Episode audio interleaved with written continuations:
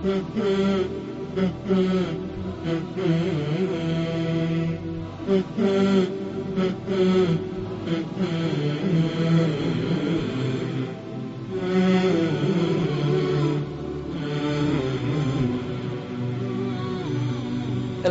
رب العالمين والصلاة والسلام على أشرف الأنبياء والمرسلين نبينا محمد وعلى آله وصحبه أجمعين أبو je naš koji 11. Aj, mašala. Počeli smo govoriti o određenim nafilama, pa smo spomenuli nekoliko propisa vezani za vitr. I vjerujte, znači, ono što sam vam kazao, da zaista ta pitanja vitr namaza su veoma česta i mnogo se postavljaju i mnogo se pitaju. Nakon toga, evo sad nam dolazi Ramazan, nekoliko riječi o teravih namazu. Kratko, samo. Klanjanje teravih namaza je isto sunnet i čak se može i kazati potvrđeni sunnet.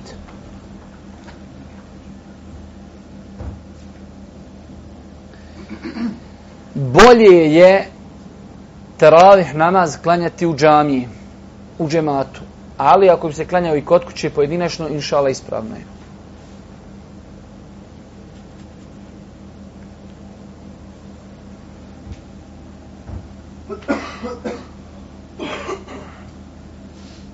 Jer poznato vam je onaj hadis da je Boži poslanik Ali Selatu Selam tri noći klanjao teravih namaz u džamije. Pa četvrtu noć kada se ljudi okupili do te mjeri da više nije moglo mešit prihvati ljude koji su došli, Boži poslanik je ostao u kući jedne od svojih žena, nije izišao da klanja sa njima, jac, klanja sa njima teravih, tek je izišao kada je sabarski jezan učio. Pa im je onda kazao, ja sam čuo da ste se vi okupili, ja, ja sam noć proveo u ibadetu, ali nisam htio da izađem, bojao sam se da Allah ne propiše ovom umetu teravih namaz kao obavezu. Tako da znači, ali je pojenta da je Boži poslanik tri noći sa njima klanjao teravih namaz u džematu.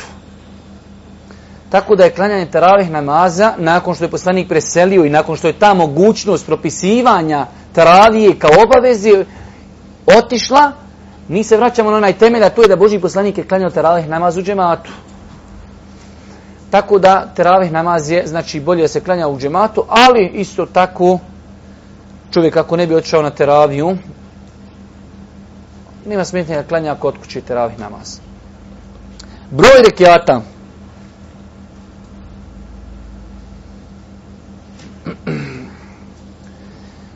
Mnogo je priče i mnogo je govora koji je izrečen u pogledu teravih namaza i broja rekiata Ako pogledate u mezhebe, vidjet ćete tamo razno razne brojeve. S tim što želim samo ovdje, zašto ovo govorim? Iz razloga što imamo sada tu neku skupinu ljudi koji jednostavno zagovaraju samo osam i ne može nikako ništa drugo. Braću, moja draga, svakako da je najljepše u svemu tome, u svom životu, da čovjek pokušava živjeti onako kako živio Boži poslanik.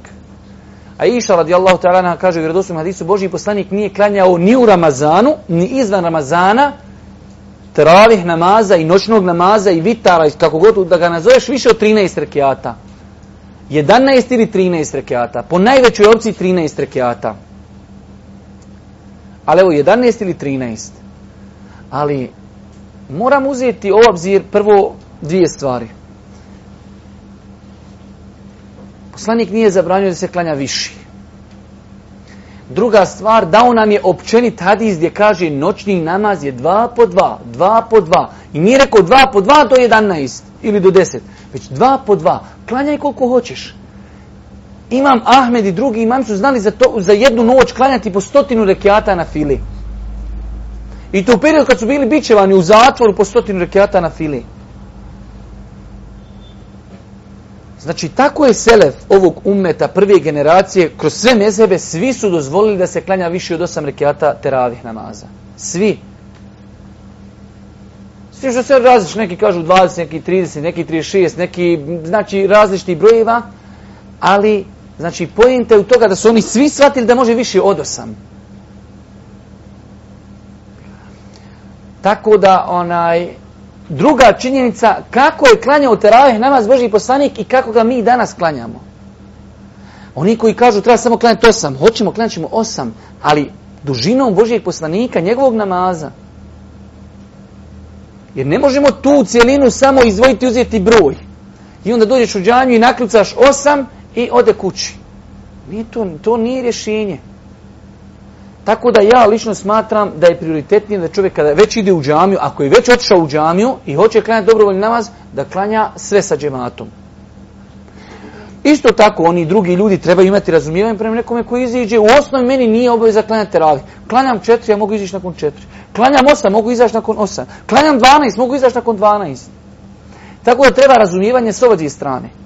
Treba razumijevanja prema onima koji klanjaju više od osam čekaj, jel to sad ti najpametniji od svih imama mezheba, imama Ebu Hanife, i Malika, i Šafija, i Ahmeda, sad niko hak nije znao osim ti.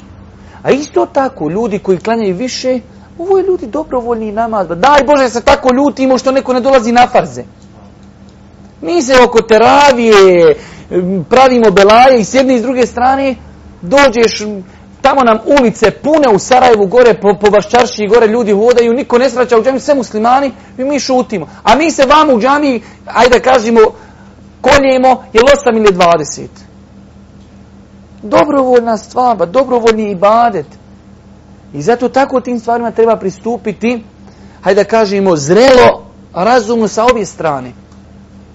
I sa aspekta onih koji smatri da je samo osam, a bi bi osam, dobro, šta su ovi ljudi? Su oni svi u dalaletu? Jel umme cijelo vrijeme 1600 godina bio u dalaletu? Medina, Meka, svi klanjaju 20 i sad ti jedini shvatio hak i istinu. A isto tako i ljudi koji znači klanjaju 20, nekako kulturno, lijepo, bez pravilne galame i buke, klanjuje 8, iziđe iz džamije, nećeš se vapa, mi hoćemo. Pojdu, sjedi i završene stvar. Ne treba nikoga tjerati na te stvari. Mislim da je to ispravno pristupanje pitanja teravih namaza. Da je to pitanje široko, ko hoće klanjati više, ne klanja više. Boži poslanik kaže dva po dva, dva po dva, koliko hoćete. Jeste, Boži poslanik nikad nije klanjao i ja lično smatram. Ja kada bi sutra bio negdje imam džami i da mi kažu, da nam ti klanjaj teraviju kako ti misliš da je najbolje, ja bi neko klanjat ćemo 11. Ali ćemo klanjati da ćemo ući na svakom rekiatu minimalno dvije ili tri strance. Da to bude teravija, pa da dva rekiata klanjamo pa ćemo malo sjesti. 5 minuta odmoriti. Pa ćemo opet klanjati dva rekiata, pa ćemo malo sjesti odmoriti. Ali da mi kažu, klanjat ćemo, moraš nam klanjati sam po ajet. Ko što je u nas? Jasin, Allahu Ekber. Bel Kur'an il Hakim, Allahu Ekber. 180, aj, ja bi 180 rekiata, nek si sam u džami, nek ne ideš gledat serije i filmove, neka te u džami. Zadrži ga koliko god moraš više. Znači, onaj, kak se zove, tom pitanju smog, nekog skromnog gledanja i aspekta, mislim, treba pristupiti tako da je teravih namaz osnovi dobrovoljni namaz. Ko hoće klanjati, ne klanja, ako neće klanjati, isto ne treba ljude koji su uzeli broj 20 ili više ili manje smatrati u dalaletu zato što su pre, prešli više od 8 i tako dalje. Mislim da je to, ako Bog da, vrijeme travi namaza je slično ono što smo kazali za vitr namaz, znači od jacije pa do, do onaj, kak se zove, do pojave zori je vrijeme kada se može ta ramazanska nafila klanjati. Nakon toga dolazi nam pitanje potvrđenih sunnita.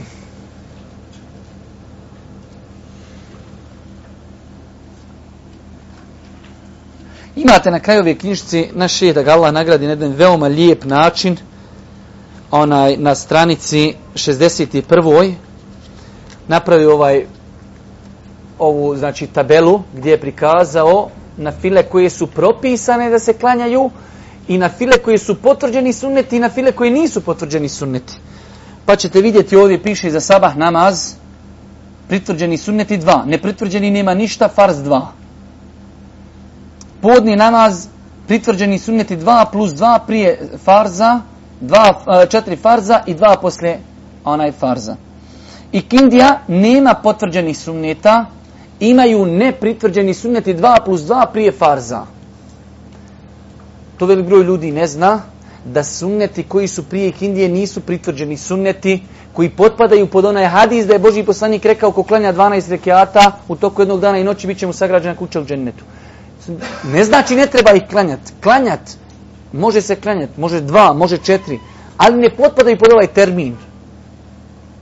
Znači, i kindijski sunneti prije farz namaza nisu od onih 12 za koje je Boži poslanik ovećao tu nagradu. Akšan isto nema potvrđene sunnete prije, ali imaju na file. Kod nas je nepoznat, kod nas se uči jezan i odmah i kamet. Boži poslanik kaže, klanjajte prije akšama, klanjajte prije akšama, klanjajte prije akšama, ko hoće. Pa je propisano i poznato je da su zabilježeni rivajeti da su ashabi između ezana i kameta za akšam namaz klanjali na filu.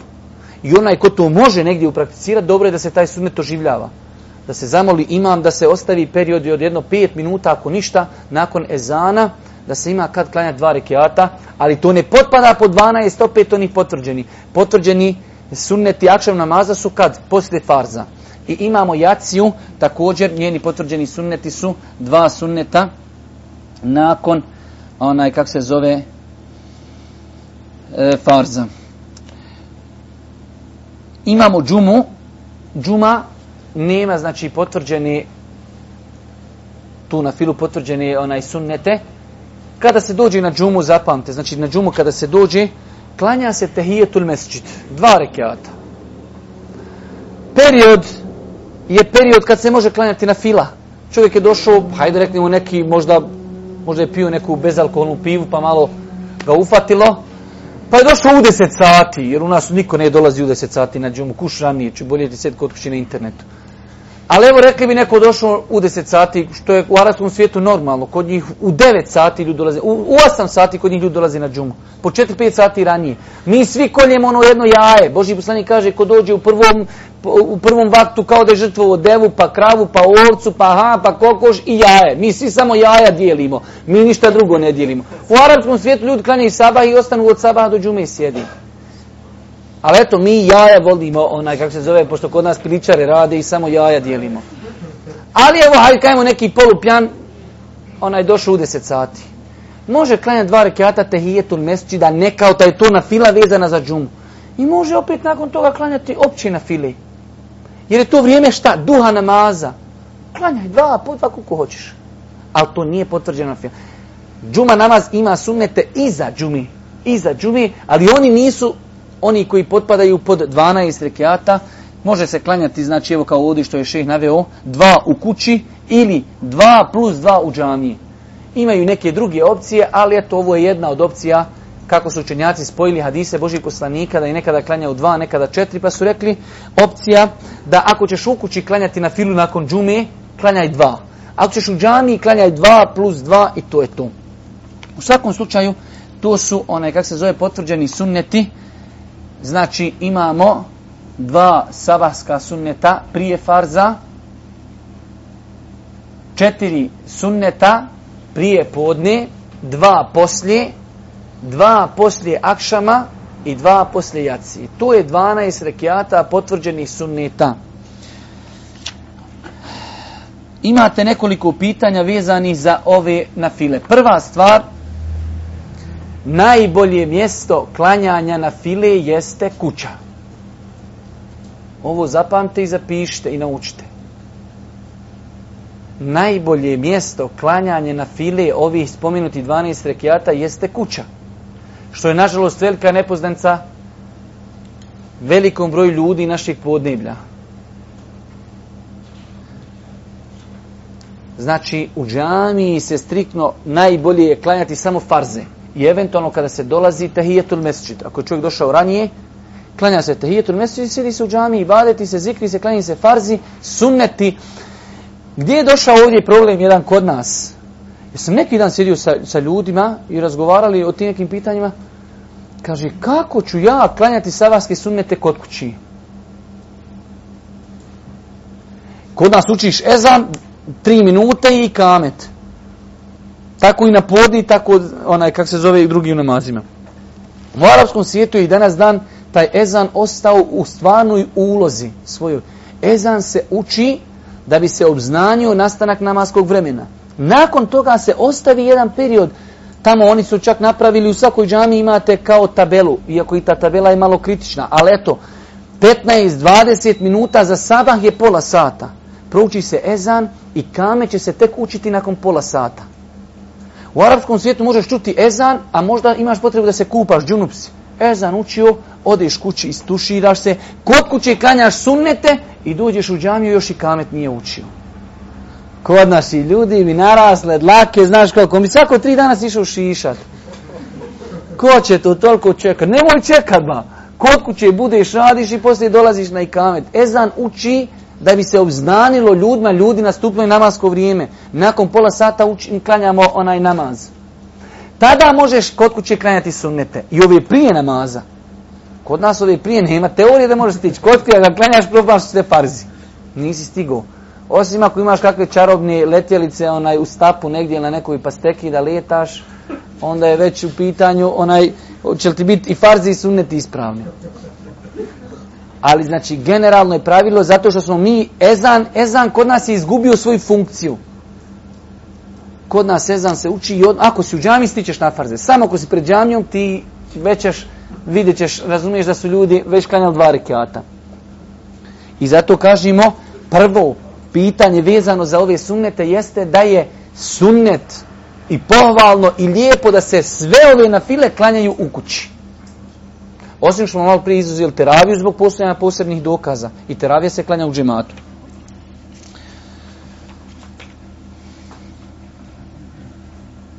Evo nekoliko koristi koje proizilazi iz toga da se sunneti klanjaju kod kući. Prva stvar, to je sunnet Božijeg poslanika, jer poslanik je klanjao na filu u kući. Druga stvar, poslanik je rekao, kaže, Afdalu salati salatu mar'i fi bejti illa maktube najbolji čovjekov namaz je namaz u kući osim farza. Pa skaš, najbolji, hoćeš god kanat, uvijek u kući. Osim farza. Sve drugo u kući. Treća stvar, to je malo dalje od prikazivanja pred ljudima i pretvaranja. Došao si, klanjao si farze, ok. Što neko mora znat kako ti klanjaš i koliko klanjaš ti na fili? Ko od kuće je svoje i klanjaj da niko ne zna. također, znači, da se određen dio ibadeta čini i u kući. Zbog blagoslova za kuću. Da malo istiramo šeitane, da ne bude po cijeli dan samo po kući šeitan i kolo vodi. Da tu malo bude ibadeta, da bude malo zikra, da bude dove.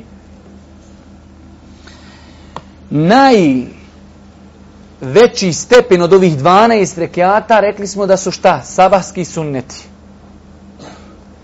od 12 rekiata koji smo spomenuli, najvećeg stepena su 12, e, dva rekiata sabahskih sunjeta koji se klanjaju prije farza.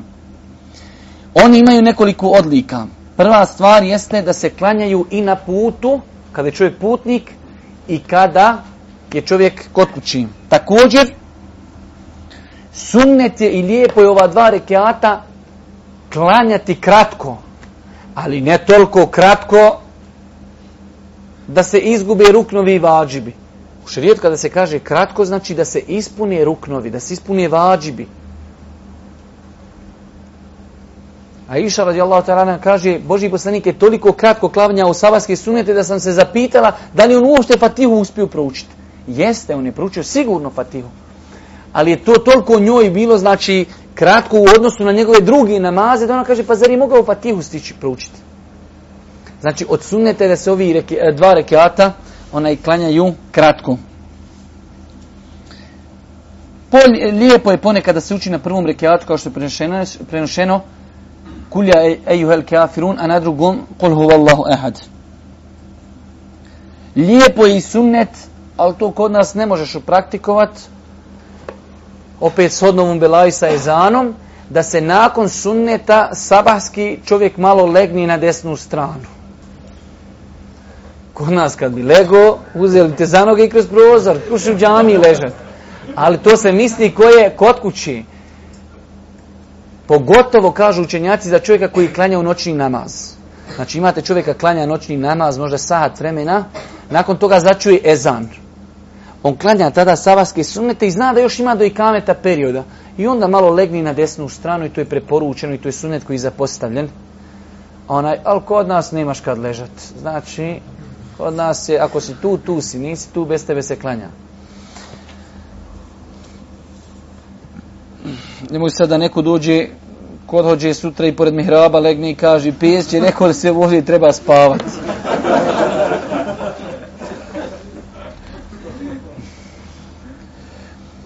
Šta će uraditi čovjek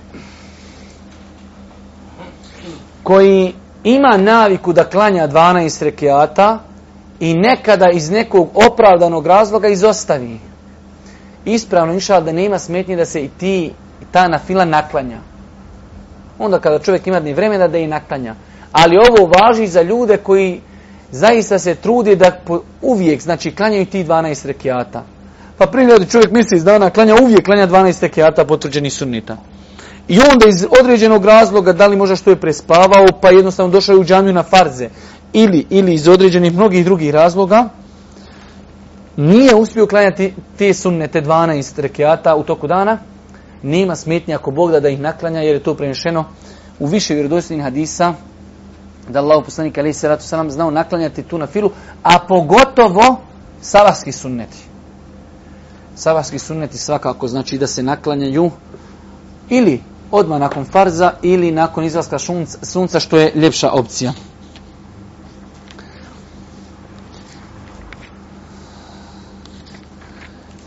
Nakon toga imamo poglavlje vremena u kojima je zabranjeno klanjati na file.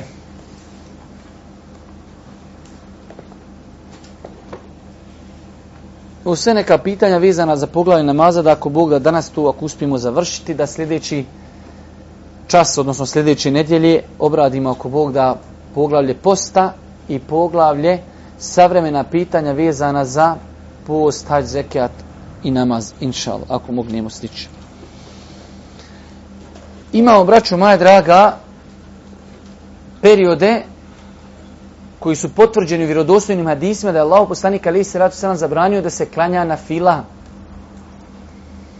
Neki učenjaci te periode e, broje kao pet perioda, a neki to malo rezimiraju pa kažu da su tri perioda.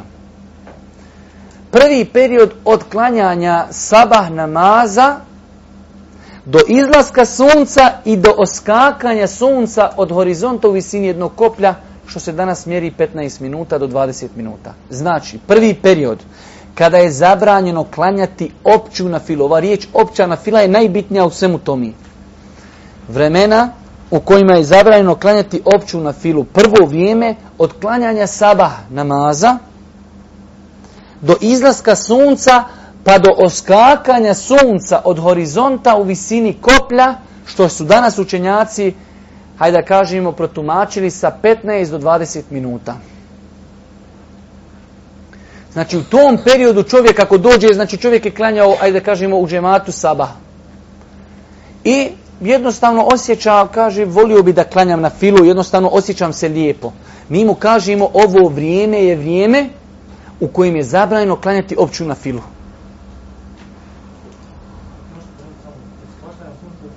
u, od horizonta visini koplja. Tako su došli izrazi u tom starom vremenu, a danas je to ulema pretvorila u 15, od 15 do 20 minuta. Da, od izlaska, znači piše šta ja znam u takvimu, ako je takvim tačan, u 5 i 15 izlazi sunce. Ti kažeš u pola 6, ili u onaj kako se zove 6:35 već se može početi klanjati. Znači 20 minuta ili 15 minuta nakon izlaska sunca se može početi klanjati na fila i onda traje dozvona klanja na file sve dok sunce bude pred zalazak, zna, eh, pred eh, polovinu neba. Prvo vrijeme kada je zabranjeno klanjati na filu jeste od sabah, klanjanja sabah namaza do izlaska sunca, pa dok sunce iziđe i odskoči u visini koplja, a što su danas učenjaci znači pretvorili u nekih 15 do 20 minuta. Drugo vrijeme kada je zabrajeno klanjati na filu jeste period kada se sunce nalazi na polovini neba. Kad smo govorili ona praktično, kako se određuje kada je sunce na polovini neba, kada sjenka stani sa kretanjem. Nakon što je se smanjivala, smanjivala, smanjivala, smanjivala i stani. To je vrijeme kada je sunce na polovini neba, u tom periodu je zabranjeno klanjati na filu. I to vrijeme, i to vrijeme znači nije neko dugo vrijeme, tako isto neki 10 do 15 minuta. Treće vrijeme je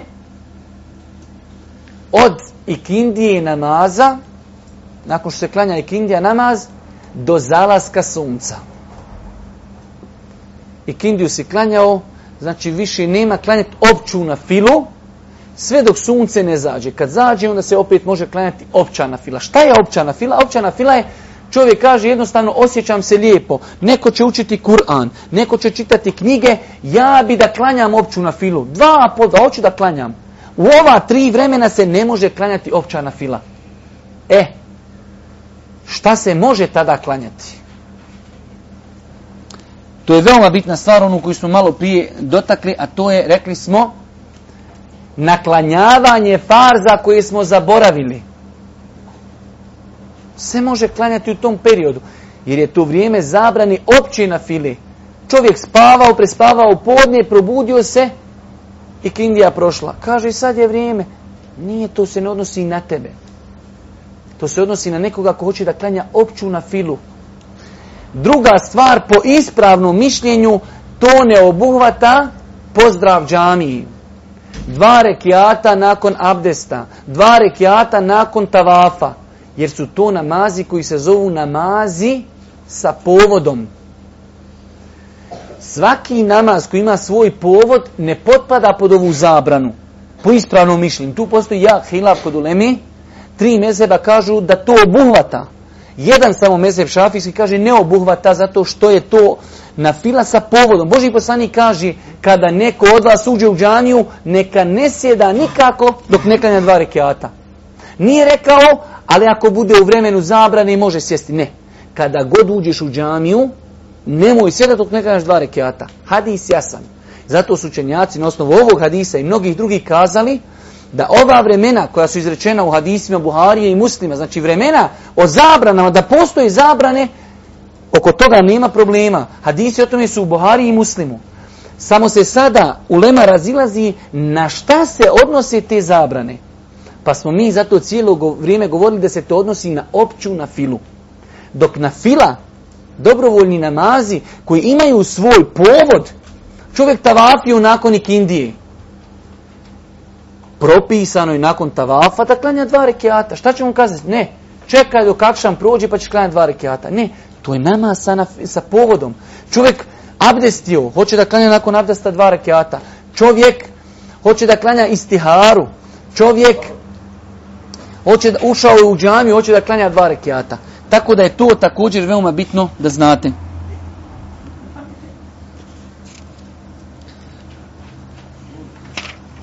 Nakon toga, pitanje, namaz u džematu. Pustite vi ovi što izlaze, ulaze, znači nemojte gledati nije, ako budete njih gledali, nećete ništa čuti vam što sam vam ja priču. Nakon što smo govorili o po, ovo su sve poglavlja vezana za namaz. Nakon što smo govorili o poglavlju vremenskih zabrana i nakon što smo konsultovali, konstatirali da se onaj kako se zove u tom periodu mogu uklanjati farzi koji smo zaboravili i da se u tom periodu mogu uklanjati vreme, e, namazi koji imaju svoj razlog. Prelazimo na drugo jedno poglavlje, to je namaz u džematu. Namaz u džematu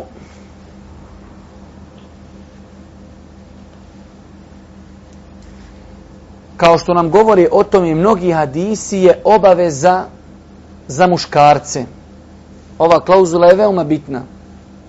Namaz u džematu po ispravnom mišljenju učenjaka, a to mi ukazuju hadisi Božijeg poslanika, je obaveza za punoljetne muškarce. Muškarce. one koji ezan čuju ako bi se proučio bez razglasa i u normalnim uvjetima.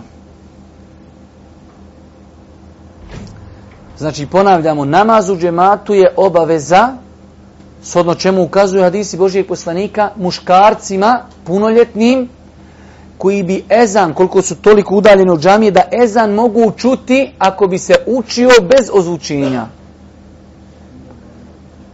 u normalnim uvjetima, šta se misli ovdje, jer mogu uvjeti biti normalni i nenormalni. Ne, već normalni uvjeti u smislu da nema buke, u smislu da nema zgrada, ti možeš imati mešćid i oko njega zgrade. I on uči jezan i samo se čuje tu tri metra. I ovaj tamo odmah s druge strane zgrade kaže, alhamdulillah, ne čuje se da u mene jezan. Ne moram u džamiju. Sruši zgradu pa švi čuje li se. Znači u tim nekim norm... ili uvjeti, On je na autobuskoj stanci, non stop, vozovi pišće, zvone, ka ja neću im jezan nikad. Pa da isključi vozove, pa švi to ćeš čuti. Znači u normalnim uvjetima gdje nema buke, gdje nema onaj, kak se zove, ti stvari koje utječu na jačinu zvuka. Znači to je prvi propis da je to obaveza kom je, rekli smo, muškarcima, punoljetnim koji čuju jezan do daljeg. Što smo rekli riječ muškarcima da bi tim, tom klauzulom izbacili žene? ženama nije obaveza klanjati namaz u džematu. Ženam, ženi namaz u kući je bolji od namaza u džematu. Sljedeći propis. Znači dva propisa. Ženi nije obaveza. A pazite, ovo su sve termini stručni. Ženi nije obaveza. A sad ćemo konstatirati da je ovaj namaz do, dozvoljen. Ali nije ovaj obaveza. Muškarcu je obaveza. Ženi nije obaveza. Drugi propis, ženi namaz u kući je bolji od namaza u džematu, u džami. Normalno, za svu ovu svaku konstataciju imamo dokaz. Ali ne možemo mi, mi smo na početku rekli da će naš sistem državne dresova biti preskakanje dokaza kako bi što više propisa obradili. Žena, ako zatraži od muža dozvolu da ide u džamiju, treba da joj dozvoli ako u njenom izlasku nema nikakva širijatska prepreka. Ponavljamo, žena ako zatraži od muža dozvolu da ide u džamiju, ne treba joj zabraniti ako u njenom izlasku ne postoji nikakva širijatska prepreka. Duga rečenca, ali korisna. Jer Boži poslanik kaže u gradosnom hadisu Buhari i muslima, nemojte zabranjivati ženama da idu u džamiju kada zatraže od vas. Žena dođe i kaže, ja bi išla u džamiju. Nemoj, ženo, znaš šta je, bolje ti da klanjaš kod kuće, ovako, onako. Žena kad zatraži dozvolu, ako u njenom izlasku nema belaja, našminka se pola kile karmina i neki pudera i kaže, čovo, ja bi u džamiju. E, ne u džamiju. Ili stavi nikad da se ne vidi šminka, ili ne u džamiju. Ili skloni to što si nacrtala, pa možeš ići. Ili kupi sebi neki najprofesionalni, najbolji miris, namiriše se, znači ti moraš jake roletne imat da miris iskuće tvoje ne izlazi komšijama i ona kaže ja bi sad išla u džanju. Pa gospođo, to je zabranjeno, Boži poslanik zabranjeno da žena se namiriše i izlazi napolje namirsana. Ali, to se kaže, ili žena bi išla, malo joj se vidi ruke, malo joj se vidi kose, malo joj se vidi vrata, suknica joj malo doli ispod koljena, ja bi u džamiju možeš u džamiru pokriti se kako treba. Ali ako se ispune svi ovi uvjeti u smislu da nema prepreke, nije namirisana, nije našminkana, lijepo šerijetski pokrivena i zatraži od muža dozvolu, Boži poslanik je zabranio muškarcima da zabranjuju ženama odlazak u džamiju kada zatraže od njih dozvolu. Znači imamo tri propisa. Ženi nije obavezajući u džamiju, namazio je bolji u kući, a njih namaz u džematu je validan i ispravan i muž ne bi trebao da joj zabrani odlazak u džamiju ako u njenom odlasku nema nikakvih šerijetskih prekršaja. Ona sjedi cijeli dan, čatuje i našla sebi tam nekog jarana, ti uda, udana, ona hoži, i dogovori, naćemo se pred džamijom. Kaže, čo mogu ja išći, imam sastanak. To je šerijanski prekršaj. U osnovi, temeljno, sve što sjedi i što čata je belaj, kamo li još da ide sad na sastanak? Ovo da kažem u smislu da ti prekršaj može biti razno razni.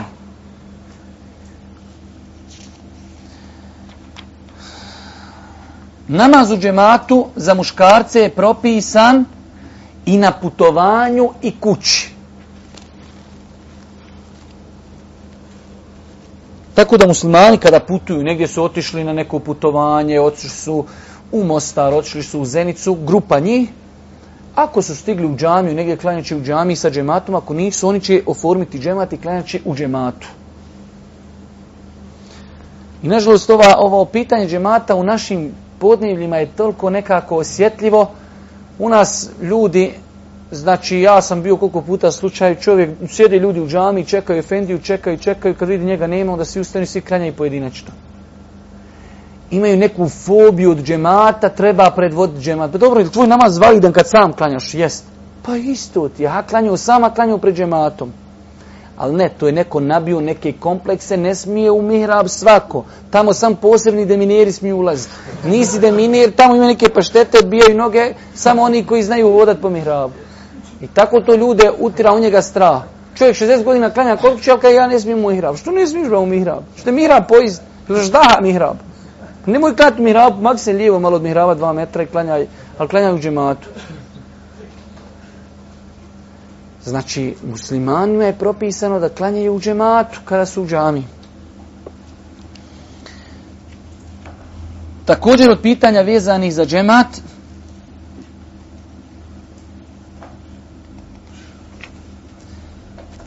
jeste da je dvojica ljudi najmanji broj koji može formirati znači džemat. Dvojica ljudi dok su zajedno, oni mogu klanjati džematile. Nije uvijek da mora biti 10, 15, 5. Znači dvojica ljudi odmah mogu klanjati džemat. Kao što je potvrđeno više hadisa Božijeg poslanika da je u džematu klanjao on i još neko. Hadis u Buhari muslimu od Ibnu Abbasa da je klanjao sa Božijim poslanikom noćni namaz na filu u džematu. Također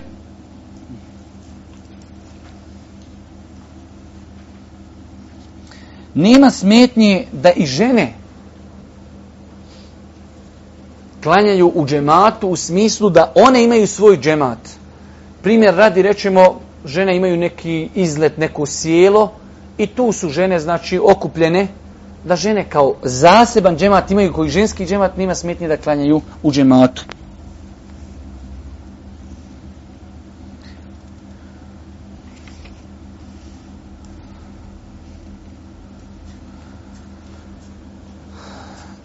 također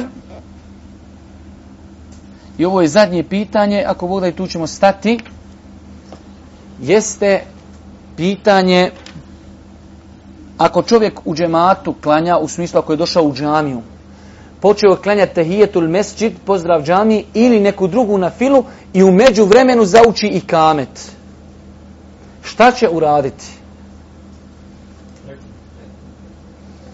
Ja sam nakon upitao šta će uraditi, ne da tražim odgovor, ali sad ćemo dati odgovor. Allahu poslanik alaihi salatu salam kaže u vjerodosnom hadisu i da uqinati salatu, fela salata illa maktube. Kada bude proučen i kamet za namaz, nema, kaže, namaza u smislu, nema drugog namaza, osim taj za koji je proučen i kamet. Hadis je rodostojan. Ali učenjaci u razumijevanju ovog hadisa su se malo razišli. Šta znači ova riječ nema namaza?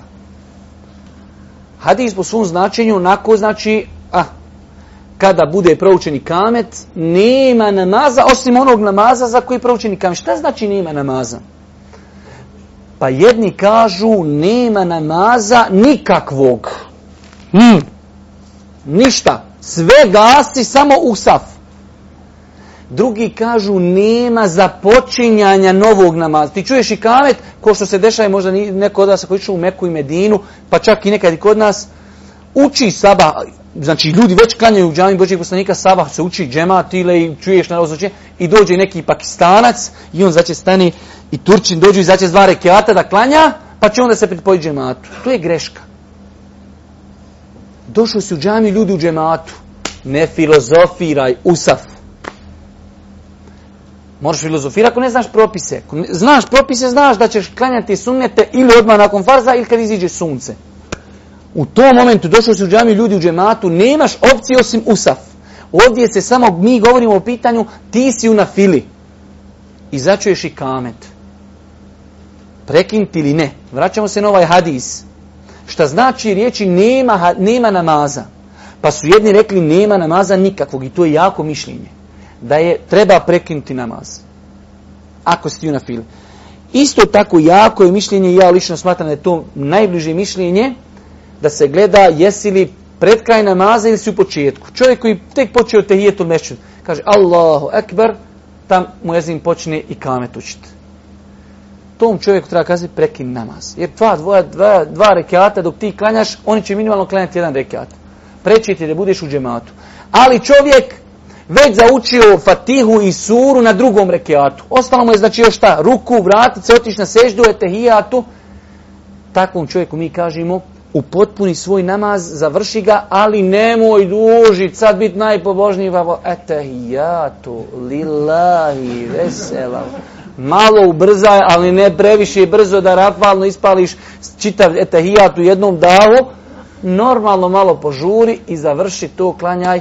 Znači i mislim da je to, to je odabir šeha Usaimina, rahmetullahi alehi, mislim da je to neko središnje mišljenje da čovjek ako je počeo na filu i zauči i kamet, gleda je li u početku na file ili je negdje pred kraj. Ako je u početku preklinče na filu, ide u saf. Ako je negdje pred kraj na file, požurit će da završi, ali rekli smo požur, pod navodnim znacima požurit. Ne požurit, da ga ne može ni šuma hestići. Požurit, normalno požurit, i završiti na film. Ovdje se ako Bog da zaustavljamo, subhanak Allahumma bihamdike, šedun la ilaha ila in stakfiru, kve tubu i lek,